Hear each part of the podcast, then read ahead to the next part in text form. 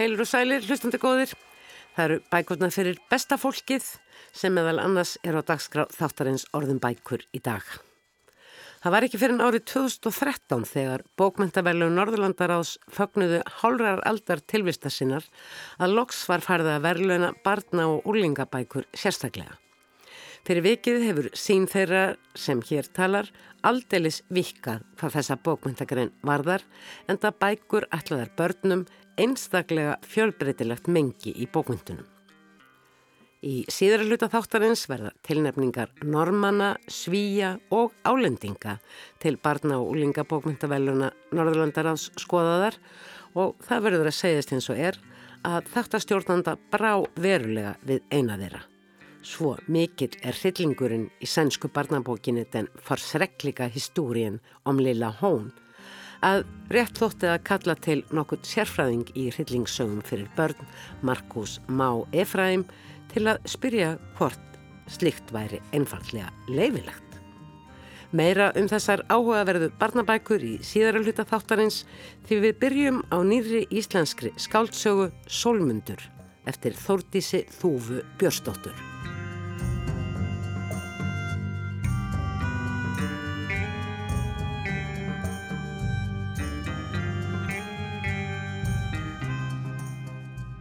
Sælverði. Ég ætla að lesa úr bókinni um, sem að var að koma út sem að heitir Solmundur. Þetta er skáltsaga. Mér dreymir um að upplifa innri frið. Ég er rólegur maður, mjög þólumóður og aðrjuleg skakart flestu. Fyrir nokkrum árum hætti ég að lesa dagblöð í hverskins formi og við það varð heimurinn bæði friðsætli og feguri. Ég hef lítinn áhuga á að fylla hverstag minn af hörmungum og þess vegna hef ég líka sleppti að hafa sjónvarp. Samt finn ég fyrir ólgu innra með mér sem er að vísu mismikil en stöðug. Þótt ég loki augunum og andi hægt og djúft án nokkurs ásetnings, leifi mér að svífa inn í tómið án þess að ætla mér eitt eða neitt, greini ég ólguna og næ ekki að upplefa algjöran frið. Ég þrái friðin. Ég veit að sitt hvað í lífi mínu veldur mér óráa og ég held fast í hugmyndir sem mögulega eru ólánlegar. Samt veit ég það ekki. Hvinnar er rétt að gefa drauma sína frá sér og af hverju? Ég hlýta þurfa á draumum mínum að halda til að hafa markmið. Annars væri ég eins og laufi vindi, skip sem velkist um hafið án skipstjóra. Ég hlýta þurfa að leifa mér að dreyma, fagra og háleita drauma til að fagrar og háleitar upplifanir eigi aðgangað mér. Annars myndi ég varla kunna að meta gafir lífsins þegar þær berast mér og jafnvel glutra þeim niður. Samt finn ég að draumar mínir gera mig órólegan. Mér dreymur um það sem ég trúi að myndi gera mig hafmyggjusamari en ég er í dag, en fyrir vikið er partur af mér alltaf að býða. Og fyrir vikið upplifi ég ekki fullkomna sátt í núinu. Ég hef indi að því að skrifa og veit fátt skemmtilegra en að setja saman skaldskap. Köllun mín í lífinu er tvímæla löst að skrifa bækur og ég veit að gæfan er með mér á því sviði. En ég á erfitt með að vera ekki óþreyji fullur gagvart því að fullgera handrit og ég ímynda mér lesendur mína og farveg bókarinnar. Þótt ég minni sjálfan mig á að njóta þess að sinna köllun minni án þess að vera sífælt að ímynda mér framtíðina, fæ ég ekki við óþreyjina ráðið. En ég er líka órálegur gagvart öðrum draumu sem ég er óvissum hvort minni rætast. Ég veit heldur ekki hvort hann er farsæl. Sá draumur veldur mér hugarángri og dregur úr mér kraftin. Þýðir það að ég er að sleppa tökum. En hvernig sleppir maður tökum? Já, erfitt með að játa hversu fast ég held í hugmyndir mínar um mig og Helenu. Ég ímynda mér að við séum sköpuð hvort fyrir annað, eilíflega tengd sem sálufélagar. Þegar ég leita ráða hjá Guði vill hann lítið segja en ráðleikur mér að vera aðrilaus. Samt held ég sífælt í hugmyndina um að ég þarfnist helinu til að verða allsæl. Ég vil auðvita að lífið komi í veg fyrir að við helina verðum par ef það er ekki farsælt og ég árétta það reglulega við Guð bara svo allt sé á hreinu.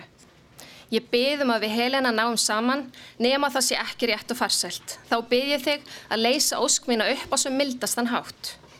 Svona leitast ég við að krefjast einskis, en það er mér alls ekki ljóst hvað er mér fyrir bestu, hvað heilinu varðar. Þetta var Þordís Þúva Björnsdóttir að lesa tvö brotur nýri skáldsögu sinni Solmundur. Titilpersona bókarinnar, Solmundur, er ekki aðeins aðalpersona hennar, heldur beinlýnis eina rött sögunar og hún veitir djúpa insýn í hugarheim Solmundar eins og framkom hér áðan að á sér það markmið helst og jafnvel eitt að öðlast frið í sálusinni. Og Solmundur hefur sannarlega gengið í það mál. Hann hefur sagt upp starfið sín í móttöku á jókastöði í Reykjavík og sagt upp íbúðsinni, losað sig svo afdráttalöst við allt sem hann á að eigur hans rúmast í einni ferðartösku þegar hann heldur til dvalar sem einhvers konar einsettu maður yfir vetramániðina í sömarbústaði í Grímsnesinu. Við fylgjumst með tilrunum solmundar til að öðlast frið og fullkomna samband sitt við Guð í gegnum hugleðslu og samtöl, einmitt við Guð. Ímislegt úr fortíð Solmundar sem reyndar einsinni hétt Sæmundur leitar á huga hans þannig að lesandin fær til að mynda að vita að hann var í æsku fyrirferða lítið barn sem las mikið, hann var vinafár og oft afar einmana. Hann á góða að að þér virðist að var venjulega foreldra og eina sýstur. Engu tíman kynntist hann helinu og þau eru vinir því hann þorði aldrei að ganga lengra. Og nú er Helena flutt til Fraklands með franskum kærasta og Solmundur er ekki viss hvort hann óskar þessu sambandi velfarnaðar eður ei. Solmundur vil nefnilega umfram allt vera góð manneskja og hann vil öðru fólki vel. Einn persóna til viðbótar hefur nokkur áhrif á líf Solmundar í þessari bók, gaf honum jafnvel það nafn, þar að segja nafni Solmundur. Ef ég mann rétt, þetta er eldri maður, Lárusanafni sem kemur reglulega í jókastöðun og stráir þar um sig gullkornum um lífið og tilveruna. Þordís Þúa er nú hinga komin í hljóðstofu, velkomin og til hamingjum Solmund. Takkaði fyrir. Ég gerði hér heðarlega tilrönd til að gefa hlustendum svo litla insinn í þessa afar íhugulu og óvenjulegu skáldsögu. Hvernig lýsir þú henni? Ú, stór spurning. Þetta er svona um, úrvinnsladaldið á því sem ég er búin að fara í gegnum sjálf bara í hugunum síðastlegin ár og þetta, ég vissi í raun og verið ekkert hvernig bóki var að fara að skrifa. Það bara mm. opnaðist allt í hennu og, og rött solmundar bara kom og það komið aldrei óvart hvað hún varð síðan sko persónuleg og, og, og bara æfisögulega á mörgu leiti. Mm. Og hvað hún sagði þér margt? Já, já, ég lærði mjög... Sem þú kannski ekki vissi fyrirfram? Ég lærði mjög margt að skrifa hana, það er alveg rétt, já. Það gerist ekki mikið í bókinu Benglinis. Nei. Hann er þarna í sömabústanum, hann fylgist svo litið með umhverfinu, hann fer einstöku sinnum af bæ til þess til dæmis að skrifa helinu tölvupost og er í nér sambandi í Þrastarlundi og stundum þarf hann að kaupa inn á Selfossi. En hann er mjög Já, þetta er fyrst og fremst hans hugarheimur mm. sem að lesandi kynist Já, þú þekkir hugleislu sjálfa eigin raun því að mér jú, finnst jú, þessu jú, mjög svona trúverðulega líst en ég kannast aðeins við það sjálf. Jújú, ég hef, hef yfkað hugleislu sjálf, mm. já og þrátt fyrir að bókin sé uh, svona tíðunda lítil og gerist að mestu í hugarheimi uh, solmundar að þá orkaðum samt á mig spennandi. Já, Mér langaði já. mikið til, ég var spennt að vita hvernig þetta uh, tímabil myndi enda. Mér finnst mjög gaman að heyra þetta. Ég hef búin að heyra þetta frá, mamma sagði þetta líka, hún, hún las hann svo rætt og hún var svo spennt að vita hvað myndi gerast og ég var svona, mm. já, hvað þetta er áhugavert. svo veist hann að lesa hana aftur að því að bara til að meðtaka allt hitt, sko. Mm. Því hún auðvitað þekkja mér svo vel og... og já. já, eins og ég sagði í upphafið að þá koma þarna alltaf inn svona minningar já. úr lífi sólmyndu þannig við fáum svona svolítið æfisögu hans já, já, og þessum köplum er afskaplega haganlega fyrir komið. Kom, kom þetta svona í streymi eða? Já, þetta, þetta kom svona. Já, já, já. Ég fann bara áður en ég byrjaði að hverjum kapla að hún var ekkert, ég var ekkert með neitt planað sko áður. Mm. Ég var með svona hugmynd um hvert verki færi en í raun og veru vissi ég það ekki. Mm. Ég var bara með mínar hugmyndir og svo ætlaði ég bara að leifisu að fara þanga sem það vildi. En um, já, eftir hvern kapla þá svona fann ég hvert ég var að fara næst. Mm. En það var ekkert plan. Já. Kaplarnir eru stuttir já. og bókin skiptist í þrjá hluta já, í rauninni. Já, já. Fyrsti kaplin er svona þessi aðlögun að hennu nýja umhverfi og, mm -hmm. Og, og talast uh, á við það sem áður var. Einmitt, einmitt. Og miðkaplin er í rauninni, þá er hann komin okkur djúft í eigin hugarheim Já. og jafnvel uh, farin að upplifa já, einhvers konar hlýðarveruleika eða eitthvað í djúpi hugans Akkurat. sem hann kann ekki að almenlega greina og ég jafnvel ekki heldur. Já, já. En er, er spennandi og er haldið svona mátulega stuttum frásögnum. Þannig að maður tekur það, maður kannast alveg við eitthvað svona áþægt í, í eigin hugarheimi. Já, fyrsti hlutin kom mitt bara svona í einni lótu og svo var, var pása bara í hálft ár og ég vissi ekki að hvernig áframhaldi er því og svo mm. allt í hann opnaðist fyrir og þá bara kom, kom mm. restin svona. En svo þarf einhvern veginn að binda enda á uh, svona vegferð og uh, jú, þetta endar tiltölulega opið. Veist mm -hmm. þú hvernig vegferð solmundar endar? ég held að það sé mitt svona... Uh,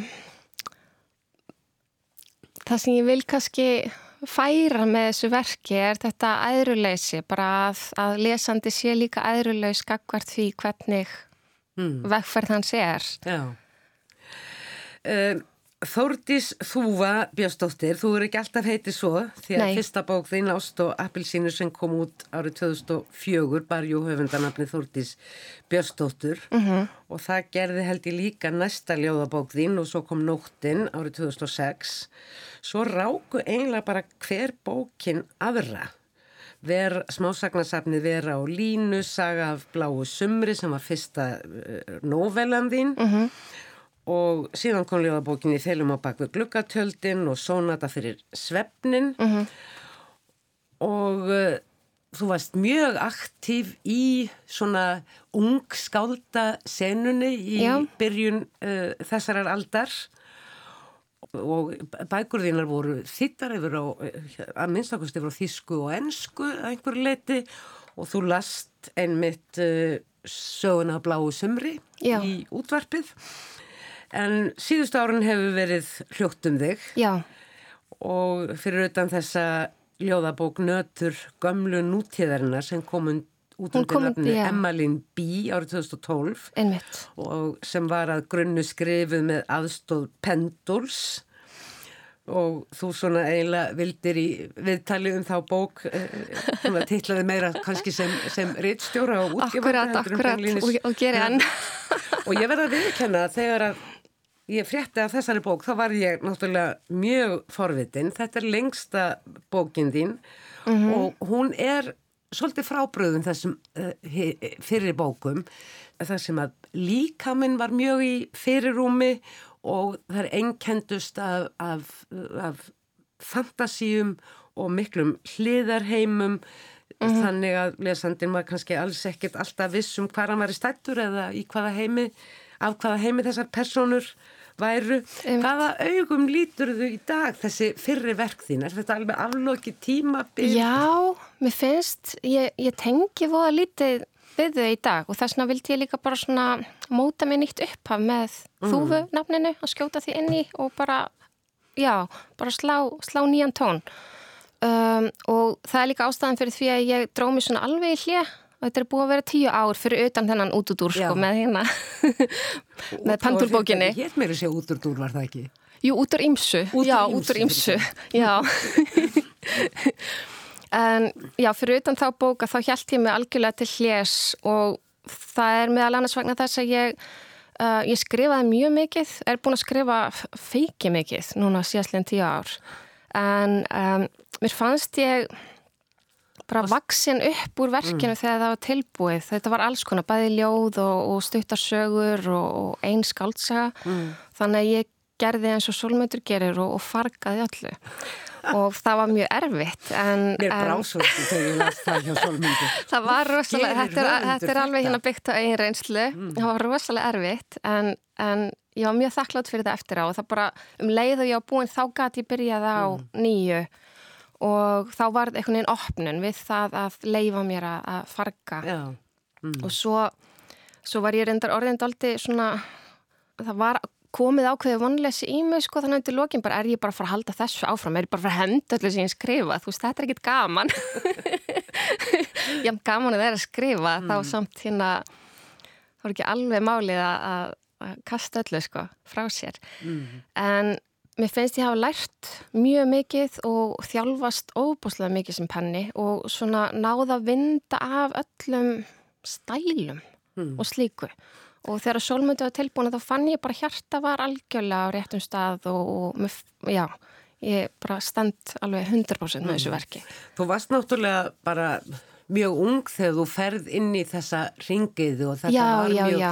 levandi tími með Einmitt. nýhil og alþjóðlegum ljóðaháttíðum og mikið fjör og, og, og, og alls konar á þessum uh, tíma, langar nætur oft á tíðum og, uh, og þú varst þá í rauninni daldi mikið að prófa alls konar og mm -hmm. leifa því að gossa. Já, en mér finnst líka svolítið stór munur á því hvaðan, sko, þá, þá skrifaði ég oft út frá mér leið illa og skrifaði það frá mér. Mm. En núna er ég að skrifa á allt öðrum forsendum, þú veist, Já mér líður bara vel og er að skrifa í svona einhverju mm. gleði og þetta er, þetta er allt, allt annað í gangi. Mm.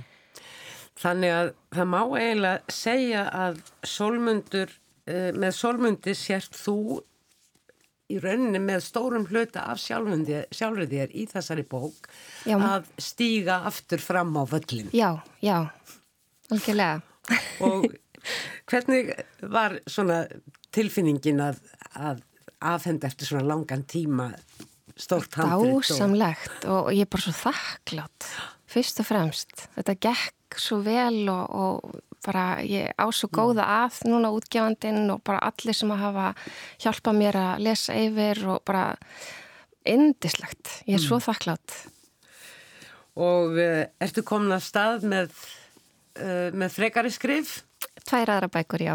Það er ekkit annar því að eins og solmundur þá uh, varstu bara tilturlega mjög ung þegar þú vissir að skriftir já, myndi já. einhvern veginn verða stór hluti af þín lífi. Það var svona vitrun bara á svona sem ég fann bara alveg þetta er það sem ég er að fara að, gefa, að gera þegar ég var 16 ára. Mm og fram að því hafði ég verið að skrifa ég var alltaf að skrifa eitthvað en, en ég bara vissi ekki að það væri hægt að vera rítuundur, þú veist, ég bara þegar maður er krakkið, þú veist, maður er bara hvað ætlar að verða þegar þú verður stór og ja. maður bara segir eitthvað svona út í loftið, sko já, já, já, einmitt og gott að ég skrifa ekki alltaf hérna auglýsingateknari eða þú veist, teiknumyndahundir, eitthvað svona sem ja. að mér fannst hljóma vel, sko mm.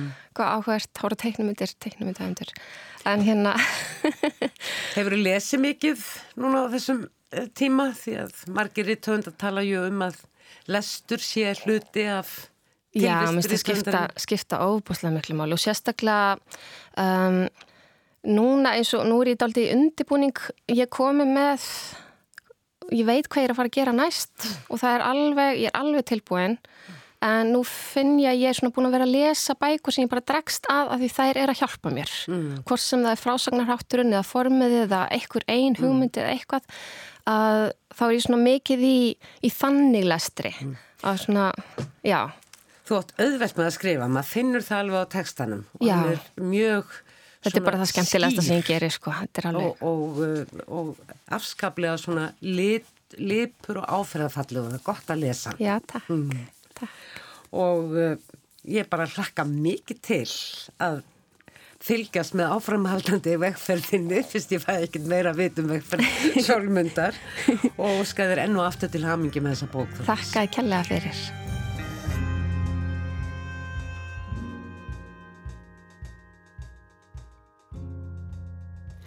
Barnabækur eru oftar en ekki fyrir fullorðnan okkur fljót lesnar, en svo getur tekið talsverðan tíma að átta sig á þeim.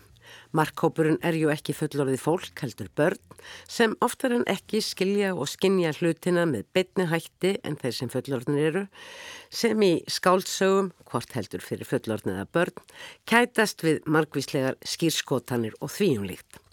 Það er sérstaklega skemmtilegt að fá tækifæri til að lesa nokkrar barnabækur í rikk. Ekki síst þegar um er að ræða bækur sem færir sérfræðingar hafa sérlega valið að tilnefna til virtra bókmyndavelluna. Norrannar barnabækur hafa jú löngun þótt skara fram úr í heiminum, að minnstakosti hínum vestrana heimi og það er vantanlega ekki tilviljun að stærstu verðlun sem veittiru höfundi barnabóka eru sænsk og kent við Astrid Lindgren sem á sínum tíma skyrðist jú ekki við að fjalla um hvað eina, jafnvel dauðan í bókum sínum fyrir börn. Þess má geta í þessu samingi að 17. oktober næst komandi veður tilkynntum tilnefningar til Astrid Lindgren velunina árið 2020. Hér í þættunum orðum bækur verður hins vegar núna sagt svo litið frá bókunum fjórum sem annars vegar norðmenn og hins vegar svíjar tilnefna sem og reyndar æfintýra bókinni sem álendingar tilnefna. Bæði normenn og svíjar virðast fyrir tilviljun eða af ásettur ráði hafa valið tilnefningar með ákveðinni yfirskrift. Tilnefningar normanna eru heimsbyggilegar bækur fyrir unga lesendur, tilnefningum svíja mætti eins og að gefa yfirskriftina einelti og eins og saði upphafið þáttar eru þar á ferð nokkuð harneskjulegar bækur, önnur beinlinis hryllileg.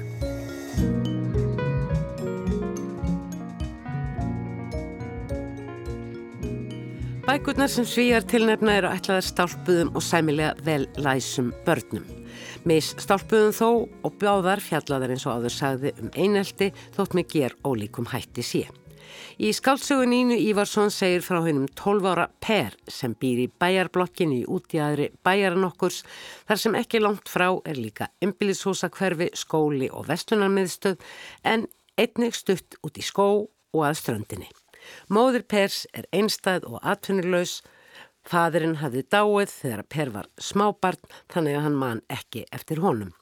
Og afvegu hans og amma hafðu slitið sambandinu við dóttur sína þegar hún korn ung varð ólétt og fadur bassins greinilega ekki þeim að skapi.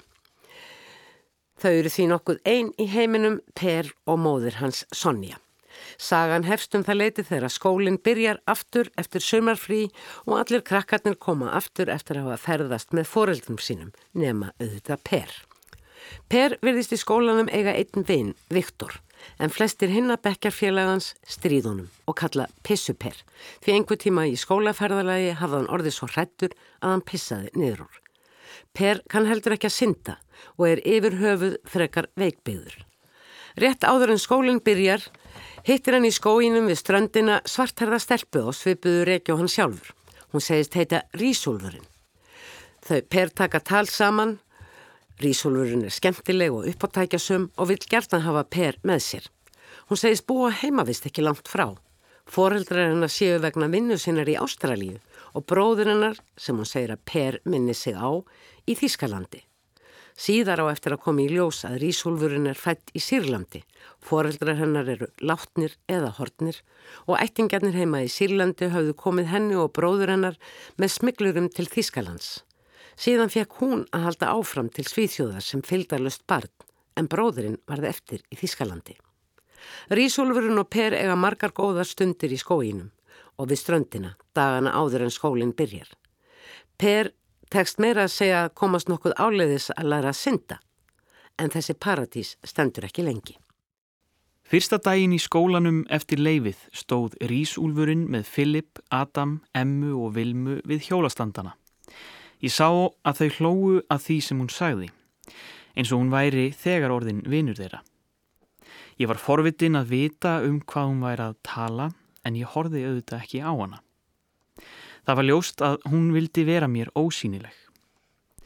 Viktor kom á hjólinu einmitt þegar bjallan ringdi og ég flýtti mér inn. Agnes kennari las upp Resa og Rísúlfurinn rétt upp hendina. Resa, en þið megi kalla mig Ríana. Það gera allir. Engin hlóaðinni þegar hún sagði þetta. Í fríminútonum fór hún með Vilmu og hinum aftur að hjólastöndunum og hjekk með þeim. Ég ætlaði að spyrja Viktor hvort hann vildi koma í King en hann fór á klósettið strax eftir tíman. Ég beigð eftir honum við aðalingangin en svo sá ég að hann hafi farið út um dyr neðri bekkingana og var komin til hinna við hjólastandana. Ég lappaði þangað. Viktor opnaði lásin á hjólinu sínu og lefði vilmu að hjóla nokkra ringi. Þarna var allt fullt af neðri bekkingum sem fyrir hádegi er á sama tíma í fríminútum og við. Mér var kallt. Það ringdi og ég hafði ekki farið í regnjakkan minn að því að hann er ljótur. Þú þart kannski að koma þér upp betri stíl. Ég stilti mér upp skamt frá þeim. Ég vonaði að þau myndu spyrja hvort ég vildi vera með. Viktor fyktaði í símanum hennar Vilmu. Hún hafi fleikt hjólinu hans frá sér í grasið. Rísúlfurinn var að tala við emmu og þær flissuðu. Rísúlfurinn kunni leikin. Hún sá mig ekki einu sinni. Það var erfiðara fyrir mig að horfa ekki á hana. Hún setur upp svo skemmtilega svipi þegar hún talar að það er ekki hægt annað en að horfa á hana. Ég lappaði í burtu að girðingunni sem liggur í kringum skólan og begði mig undir hlinin sem vext þar. Ég tók eftir snigli að skrýða upp eftir stopni trésins. Ég tók hann og sett hann á jörðina. Svo tók ég nokkrar greinar og setti í kringum hann. Hann gæti skriðið yfir þær en honum tókst það ekki. Ég skoðaði hinn trén og hafðað endingu fundið sex snigla. Þetta voru Viktor, Adam, Emma, Filip, Vilma og Rísúlfurinn. Rísúlfs sníillin var ekki með köðung. Sníklarnir skriðu hverum annan og voru ekki ánæðir. Ég var ekki hrættur við á. Per tekur kuðungslösa snílinn sem hann kennir við ríshólfinu með sér, kemur honum fyrir í krukku sem hann síðan geymir í hólfinu í skólaborðinu sínu og heldur sem nokks konar gælutýr. Eftir þetta fer hann ekki út í fríminútur. Agnes kennari gerir sig grein fyrir að eitthvað er að. Hún reynir að tala við Per en hann gefur ekki færa á sér. Segir að allt sé í lægi Svona vilja hann hafa það. Engin sé vondur við hann og svo framvegis. Kennarin veit auðvitað betur en veit augljóslega ekki hvað hann á að gera. Til stendur að bekkurinn fari saman í tífóli og til undirbúning segja allir að mæta með foreldri á fund. Eins og áður kom fram er móðir Pers aðtunnulegs og ekki miklu peningar á heimilinu. Og það sem tífóliferðin er valfrjáls þarf að borga fyrir hana. Móðurinn hafði ekki einu svona haft efna á að kaupa jakkapeisu með pelskraga sem hann langaði svo í. Hún egnast reyndar peisuna eða pelsin eins og þau maðginn kalla þessa flík. Og það er Belal, einn aðal karlin og kranni í vestlunarkernanum sem borgar. Slikt þarf að endurgjálta. Og Per fer því á næstunu oftar út í skógin og niður á vatninu því Belal kemur æg oftar að heimsækja móður hans. Á þessum ferðum sínum hittir hann Rísúlfin reglulega og þegar hinnir krakkarnir eru hverki nærri er samband þeirra Pers gott og fallegt. Per þykir afar væntum móður sína. Þykir hún falleg og skemmtileg, þótt hún kunni ekki að elda mat og læsi æfinlega dyrunum að Svernherbyrgi sínu þannig að hann hefur ekki getað skriðið upp í til hennar í mörg ár þótt honum líði stundum illa frammi á sófanum. Hann fyrirgefur henni líka þegar ljóst verður að hún muni ekki mæta á tífóli foreldrafundin. Heimurinn reynur hins vegar þegar hún verður ljóst að það er satt sem einhverja stóru úlingunum uppi við um vestlunarmiðstöðuna hafi kallað til hans þess efnis að mammans væri fíkil og fengi eiturlif hjá Belal sem borgaði jakkan. Þá tekur hann peninga sem Sonja geymir í neðstu komuðuskúfunni og þau rísúlfurinn fara saman í tífóli deginum áður en áætlaði er að bekkurinn farið þangað. En svo heyra má er þetta all flókin saga, en hún er afskaplega vel fléttuð, sannferðu og raunsæ. Hér er samfélagið allt, andstæður þess og hliðstæður, dregnar upp á litlum bletti. Frásögnin er skýr og ljóðræn á köplum, en samt rögleg í mótsagnakendri hegðun og framkomu personuna og þrátt fyrir að fjallum erfiða hluti eins og flótamenn, stjættamun, eiturlif og eineldi, þá er líka alltaf einhver staðar gleði og væntumþykja án þess að slíkt sé notað til að fegra. Rísúlfur, Rísúlfur eftir Nínu Ívarsson er falleg og hugveikjandi saga um afar mikilvæg mál sem allt og mörg börn þurfa að takast á við og eða heyra um í tali hennar fullorðinu.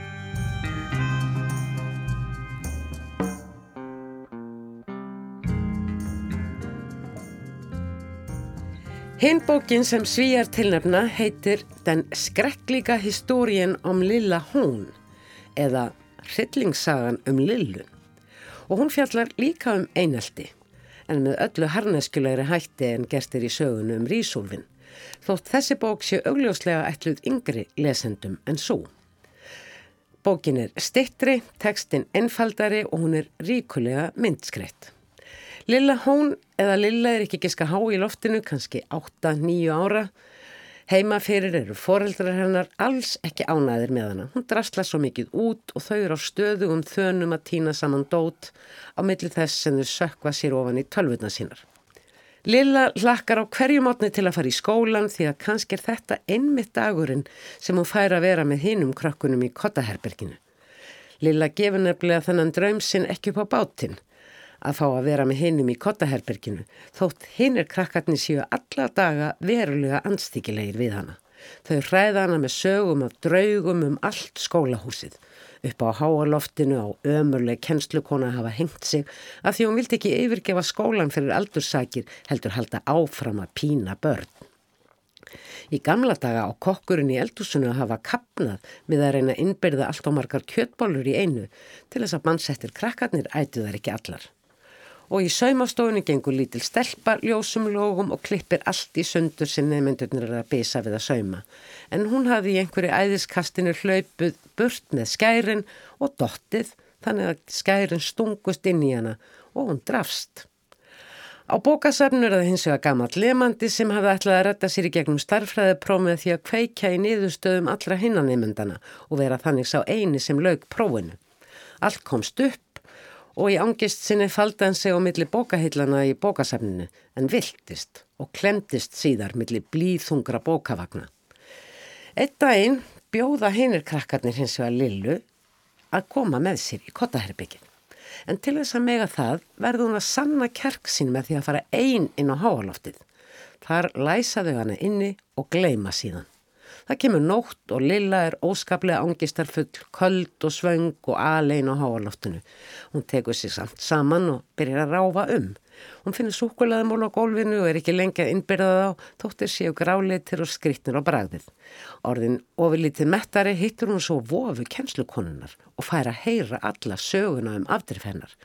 Kennslukonan er með líkil að loftinu svo að þær komast út og hitta síðan alla draugana sem Lilla hafi verið hrætt við og þeir reynast til vænsta fólk. Í raun fórnarlömp yllkvittina nefnda sem beinlíni sörðu valdir að döða þeirra, þó ekki á ásetningi heldur meira fyrir slistni. Lilla og draugakvartetinn fara nú í kottaherbergið og þau skemta sér vel. Í skólastofunni hefur enginn tekið eftir því að Lilla er horfin. Hún er kvortið er ósýnileg og foreldrar hennar eru um kvöldi bara gladir að enginn skulle drastla allt út heima hjá þeim.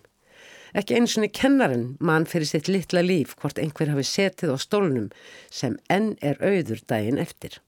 Á endanum stinja vondu krakkarnir upp hvað þeir hafi gert og allir skunda upp á háaloft. Lilla svarar engum köllum. Enda likur hún dáin inn í skoti.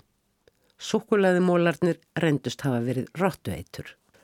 Það skal viðurkent að þeirri sem hér talar var brögðið við þessi endarlók barnasögu jafnvel þóttum beri teitilinn Hryllingssaga. Og jafnvel þótt í næstu línu sé líst hvernig Lilla sem draugur skemmtir sér við að ganga aftur í kottaherberginu og hræða vondukrakkana sem grenjur sér augun af hræðslu því auðvitað trúir þeim engin að þarna séu draugar. Hver trúir á drauga? Hingað er nú komin Markus Már Efraim en hann hefur undanfarin tíu árið að svo unnið mikið með börnum og til dæmis kent þeim að skrifa eigin sögur, ekki síst hryllingssögur. Og sjálfur hefur hann líka sendt frá sér bók með hryllingssögum fyrir krakka. Markus Efraim, ég kallaði þið hingað beinleginist til að spyrja þig þótt þú hafi nú ekki fengið tækifæri til að lesa þessa bók um hana Lillu, hvort svona hræðilegur hryllingur sé bara yfir höfuði leifilegur fyrir börn? Personlega finnst mér það bara algjörlega. Uh, ef við meðum ekki að horfa fram á því að uh, hvað það er sem krakkarnir vilja sjálfur. Uh, ég held að flestir krakkar, það er náttúrulega undatetningar en ég hef, ég hef unnið með mörg hundru börnum og lang flest þeirra eru rosalega spennt fyrir hryllingi og þau taka honum ekki mikið inn á sig uh, þau eru mikið upptekinn af honum og þetta ger færið til að hafa áhuga á að lesa mm. um, það var hérna mann ég eða veit ég hefur lesið um það var fótur og feitt hérna á tíund áratögnum þegar gæsa húabækur annars Erl Stein hérna voru út um allt í bandaríkunum og þá voru kennarar og aðrir sem voru að setja út af þetta bæð út frá hryllingum og bara líka út frá þetta þetta er ekki nógu fína bókmyndir en málið er að þarna voru hundruð þúsund ef ekki miljónir batna sem að fóru virkilega að lesa út af því að þetta var eitthvað sem að kveikti á þeirra mm. Þú uh, skoðaðir bókina, hún er eins og ég sagði ríkulega myndskreitt og, uh, og þetta eru svona uh, daldið svona finnartekningar, það eru mjög beinskeittar og blóðið lagar úr saumastelpunni og, og, eh, og allt hvað er og kennslukonan er hálf gagsæ og, og svo er það líka viðbröð foreldra eh, hérna Lillunar við dauða dóttur sinnar. Já, það er ekkert gert, það er ekki, ekki verið með neina tilfinningar sem við þarna. Þetta kannski lýsi náttúrulega svolítið mögulega óttabatnum það. Það er talað um að uh, ákveðnum aldir þá óttaspöld það helst að vera aðskilja fyrir fóröldri sinum en hvað myndina var það, þá fannst mér þess að bara myndir mjög skemmtilegar mm. og, og eins og ég, aftur, flest börn myndi ekki kipa sér mikið upp á þetta. Það er þessi bók sem þú myndist á sem ég gaf út uh, sem var nú myndskrift að fjölda listamanna að ég tek eftir því að það er svo mynd sem að sko grípu krakkana mest sem að þau segja aftur, aftur, aftur í það er svo sem er okkar blóðuðasta og hryllilegasta myndin mm. það er bara það sem að þau hafa áhá Þetta er svona hálf bannsvæði, hálf ekki, þannig að þetta er kittlandi. Já, það gerir og það. Og þau eru hálf hrætt en, en eru samt að er, láta reyna á sitt þór og kjark. Þetta, þetta ættu við að kannast við líka bara fólk á öllum kynsluðum, hvernig það var að sækja í draugasögur og annars líkt þegar maður var yngri og alveg eins þegar fólk sko þarf að tala um hvort þetta sé lægi. Menna þessi bók er ekki mikið hryllilegri heldur en grímsaventýrin eða mikið í þjóðsögunum. Þannig að þetta fólk sé bara farið að kannski vernda full mikið í dag mm. og vera að gera það síðustu svona 20 árin. Og bara eins og Móri Sendak barnabókahöfundur og, og minnskreitir sagði sjálfur eina svona að þegar fóreldrar er að vernda börni sín eða telja sig verið að vernda börni sín fyrir bókmyndu þá verður þau raun og veru bara að vernda sig sjálf. Þannig að það eru krakkarnir sem eru yfirleitt opnir fyrir nýjungum og nýri reynslu og þau vilja kynnast nýjum hlutum mm. sem er oftir bara hryllingur Þannig að þú mælir með þessari bók? Já, eins og segir, ég hef ekki eftir að lesa hana en hún lítur vel út og ég hlakka til þess að geta að lesa hana. Markus Már, Efraín, takk að ég kella fyrir komuna. Takk fyrir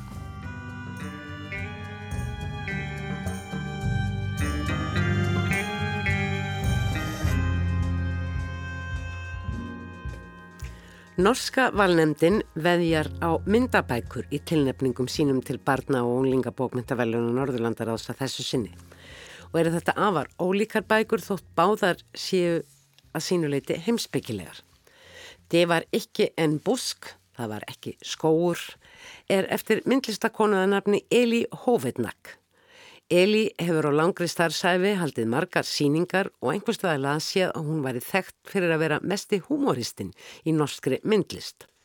Það var ekki fyrir en Eli var komin á sextusaldur að hún ákvað að myndir væri ekki nægileg tjáning og hún hóf nám við Norsk Barnbók-Institut eða Norsku Barnabókastofnunum og lög það hann prófi eftir því sem framkemur á netinu árið 2013. Þá sendi hún jafnframt frá sér sína fyrstu barnabók, Ója eða Eija og síðan hafa fleiri bæst við meðal annars bókin sem nú er tilnemd, þið var ekki en busk. Það er ekki hægt að segja að Bókin sé beinleginis aðlaðand og gladleg útleits. Myndin sem prýðir kápuna er falleg en myrk. Hún sínir þyrpingu horra grenitrjáa við vatn og speklast tríin í vatninu því þótt að sé nótt þá er fullt tungl. Það er líka mikil einmannleiki yfir þessari mynd því út á vatninu í forgrunni myndarinnar lónar lítill bátur þar sem ísetja tröldsleg og loðin vera annarsvegar og fuggl sem snúa baki voru í annað. Í ljós kemur að þetta eru aðal personur bókarinnar, þau Tilda og Túrvald og þau eru vinir. Venjuleg eru kápumyndir barnabóka í mörgum og skærum litum og jafnvel einsýðunar líka. Það áhengis var alls ekki við hér því á síðunum 60 í bókinni er fjallaðum tilfinningar óta og óknar. Lesandin fylgir vinunum í bátnum en þeirra að fara með lest út úr bænum og gengi síðan í gegnum skógin og silt á bát áleiðist til bústaðar þar sem þeir að dvelja. Á leiðinni heyrast hljóð, eitthvað sest skjótast og skuggar og speilmyndirnar á vatninu verða ekki til að draga úr uppþeira. Þeir finna húsið og meira segja líkilinn sem hangir undir þakskekkinu eins og sést á einni myndina ef grant er að gáð.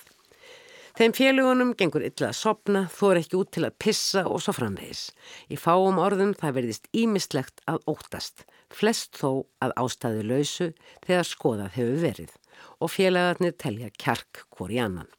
Um nóttina fá til dag Túrvalds og heimsókn fyrir ugluungar, Hulda og Hugo á flótta undan einegum risa sem reynist hafa verið Túrvald sem hafi fundið ennislugt til að lýsa sér leiðina út þegar hann þráttur allt fór út að pissa.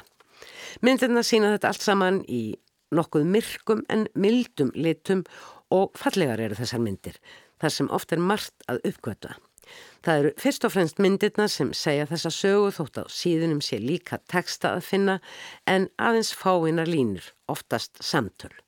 Á endanum hafa allir fundið sitt öryggi og sína hlýju undir stórri sæng í rúmi.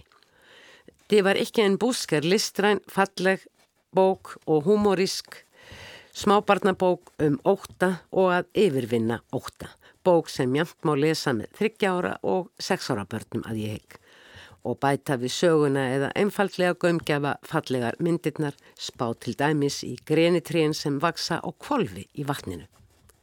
Hinn bókin sem normen tilnefna er líka myndabók og heitir Alle saman teller. Allir saman telja, svo þýtt sé beint, en auðvitað er meint að allir skipti máli. Hér er hins vegar verið að telja sína fjölda allt frá einum og upp í óteljandi og allir teljast með. Fórsíða þessarar bókar er meira í stíl við það sem aðra á að venjast varðandi barnabækur og sínir skrautlega mynd af ótal manneskjum af öllum kynjum og kynþáttum dregnar einfaldum dráttum. Bókin hefst á einfaldri tekningu án lita, þar sem getur að lita fjall og tré og vatn og dátir að fá sér að drekka og tekstin hljóðar engin. Á myndin er nefnilega engin manneska og neðst í hægra horninu er talan 0. Á næstu síðu er talan 1 og það er líka ein manneska. Lítill drengur undir sæng í rúminu sínu með tusku kisa í fanginu og dótið hans út um allt golf. Drengurinn er ekki að hugsa um það þar sem hann liggur og telur hvað hjartaði í brjósti hans slær mörg slög. Hann horfur út um gluggan og stjörnubjartan heiminin og spyr hvað skildum margir verið að horfa á einmitt þessar stjörnur einmitt núna. Þannig heldur bókin áfram síðu af síðu eftir því sem manneskunum á myndunum fjölgar og tölurnar hækka, víkja einfaldar tekningarnar fyrir litrikum myndum af manneskum í mismunandi umhverfi. Hér eru sem dæmi þrýr segurvegarar á palli, fjórar manneskjur í hljómsveit, 16 manneskjur að vinna í gardi, 26 manneskjur í stórverslun, 85 manneskjur í bíó og allt upp í 1000 manneskjur að fylgjast með halastjörnu sem fer fram hjá jörðinni og mun ekki gera það aftur fyrir en eftir 2533 ár. Það er vissulega svolítið hlaupið á tölunum eftir því sem þær gefa meiri fjölda til kynna því bókin er aðeins um 50 síður. Á hverri síður sagt hversu margar manneskjur sé á síðuna að finna hvar þær eru og við hvaða yðju. En einnig spurningar sem varða hvað sömar ákveðin fjöldi af þessum manneskjum er að hugsa eða hvað er óski sér og svo framvegis. En einnig bent á að ein og ein sé á leiði jarðaför, sé glæpamaður, ætla að fara að gifta sig og má hafa gaman af því að leita uppi á hverri mynd um hverja sé að ræða. Hér er leikin með fjölda og fjölbreytileika á skemmtilegan hátt og býður þeim sem skoða og lesa í saminningu upp á samtölum ótal hluti, algenga og sjálfgefa í lífinu og tilverinu. Allir saman teller er með öðrum orðum ekki síður skemmtileg og áhugaverð barnabók en þið var ekki einn busk þótt það séu afar ólíkar. Það gæti því alveg farið svo að normenn færu í Stokkólmið þann 29. oktober heim með barna og úlinga bókmyndavelun Norðurlandarás og væri það þá í annað sinn. Það á hins vegar eftir að koma í ljós því hér í þættinum orðum bækur er nú komið að bókinni sem álendingar tilnefna Brynhildur Heiðar og Ómarsdóttir tekur við. Álandsegingar tilnefna til barna og unglinga bókmyndaverluna Norðurlandarás myndabókina På en tröllendas vingar eða á vengjum drekaflugunar eftir Ann-Kristín Waller myndskritta af Anni Vikberg. Þessi myndabókætluð yngstu kynnslóðin er sjálfstætt framhald bókarinnar Smó sommarsagor eða Stuttar sumarsögur sem kom út fyrir áratug og semur valer báðar bækurnar til barnabarna sinna. Í viðtali við álenska dagbladið Nýja Óland segir hún að fyrir 11 varum síðan hefði hún átt 5 barnabörn og að hún hefði viljað veita þeim skjólshús í veröldinni. Ekki það að veröld þeirra hafi verið ótrygg heldur frekar að í ævintýrum er að finna örugan heim og bókakápur eru dyrnar að þessum heimi. Og nú hafa bæstuð fleiri barnabörn, svo Valer skrifaði aðra bók til, nýjar sögur, innblásnar af nýjum börnum. Hún bætir þó við að sögurnar séu að sjálfsögðu ekki aðeins fyrir barnabörn hennar, heldur fyrir öll börn, að með smásögunum vilji hún kenna börnum að fylgja draumum sínum. Og það gerir Valer svo sannarlega. Í þessari nýju bók sem nú er tilnefn til barna- og unglingabókmæntaverluna Norðurlandaráðs segir hún frá sistkininum Júliu, Óskari, Erik og tvíburunum Ölmu og Sofju. Hvert barn fær sína eigin sögu, ævintýri sem þau lenda í í draumheimum. Sögurnar eru skemmtilegar aflestrar og myndskreitingar við þær eru afar litríkar en eilitið einfældningslegar. Börnin í bókinni lenda svo sannarlega í miklum ævintýrum þarna í draumheimum og ímyndunarablið ræður ríkjum. Valler leikur sér ekki aðeins með verur úr goðafræðinni og þjóðsögum ímiðsalanda, heldur kynir til sögunar eigin þjóðsagnakvikindi og ævintýraverur. Í fyrstu smásögunni segir Valler frá ferðalagi hinnar 7 ára gamlu júliu til gullborgarinnar Eldorado, þar sem hún freista þess að finna gullpenna til að skrifa sín eigin ævintýri. Eina leiðin til Eldorado er að fljúa þangað í gildri fallíf og ymsar hættur leynast á leiðinni. Hlátur skviður Júliu frusu í kuldanum og breytust í hagliel. Tunglið kvarf og stórt svart skí byrtist skindilega eins og úr lausu lofti fyrir framann hana. Úr skíinu spruttu eldingar og þrömur. Þrömu viður. Þyrtu hún að fljúa í gegnum skíið. Fallífin Gullrós heikaði. Júlia heikaði en svo kvíslaði hún til gullrósar að fljúa aðeins nær skíinu. Kanski væri hægt að finna göngi gegnum það. Þau komu nær skíinu, svo nálagt að eldingar sviðu hárið á júliu. Þrumurnar skar í eirun og það sveið í augun, en hún sá engin göng, ekki einu sinni lítið op þar sem hún gæti séð tunglsljósið. Augu júliu fylltust af tárum og hún titraði af vombreyðum. Venjuleg þrumuveður voru hættuleg, en þetta veður hliti að vera þúsundsinnum hættulegra. Þetta var öskrandi svarthól, fullt af snarkandi og kræklóttum eldingum og hún var að nálgast það. Alein. Ég gefst upp, kjökraði hún. Ég þór ekki, þetta er ekki hægt. Ég kemst aldrei út úr þessu hræðilega skíi, mér langar aftur heim. Hún var að því komin að snúa fallifinni við þegar hún myndist þess að alvurinn snirp hafði sagt henni að það væri þeir sem hefðu komist í gegnum skíið á leðsinni til Eldorado. Það væri sem sagt hægt að fljúa í gegnum það. Hún þyrti bara að komast að því hvernig. Hún grandskoðaði þrjumuskíið og svo sá hún nokkuð skrítið. Eitthvað sem bylgjaðist hér og þar og alls ekki neinstadar sem flögraði yfir heiminin eins og þrjumuskí. Var þetta kannski vísbendingin sem Snirp hafi talað um? Hún flög nær og sá, sá hún flíil. Hún neri augun. Guð, þetta var flíil. Risa stór svartur flíil. Og risavaksinn tröllskessa húkti yfir flíklinum. Hún var klætt í svart frá toppi til táar, pilsið sveiblaðist í vindinum og ermarnar blöktu eins og risastóri leðurvængir. Í hvert skipti sem hún stega fótstegin á píanóinu braust elding fram úr skíinu. Þetta var ekki alvöru þrjumu viður, bara gömul kettling sem faldi sig í skíi og reynda að hræða aðra. Júlia varð reið. Hún dróð djúft andan og öskraði eins hátt og hún gat til að yfirgnæfa háfaðan í þrjumu viðrinu. Heyrir þú í mér mislinda háværa tröllskessa? Pappi segir að þrjumu viður verði til þegar heitt loft mætir köldulofti og hérna situr þú og hamrar á dýran flíil og lætur sem það sé þér. En ég er ekki hrætt við þig. Eldglæningarnar þínar er ekki bönhættilegar, aðeins liftur. Færðu þig til hliðar, annars flýg ég í gegnum þig. Hún var að því komin að snúa fallifinni við þegar hún myndist þess að alvurinn snirp hafði sagt henni að það væri þeir sem hefðu komist í gegnum skíið á leðsinni til Eldorado. Það væri sem sagt hægt að fljúa í gegnum það. Hún þyrti bara að koma staði í hvernig. Söguhetjurnar í þessari bók láta sko ekkert stoppa sig, ekki einu sinni fljúandi tröllskessur á þrjumifliklum.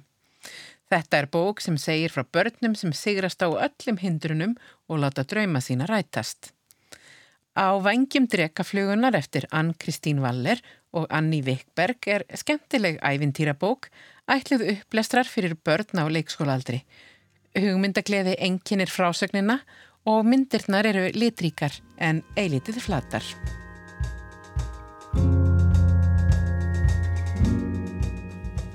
Fleiri verða orðum bækur ekki að þessu sinni.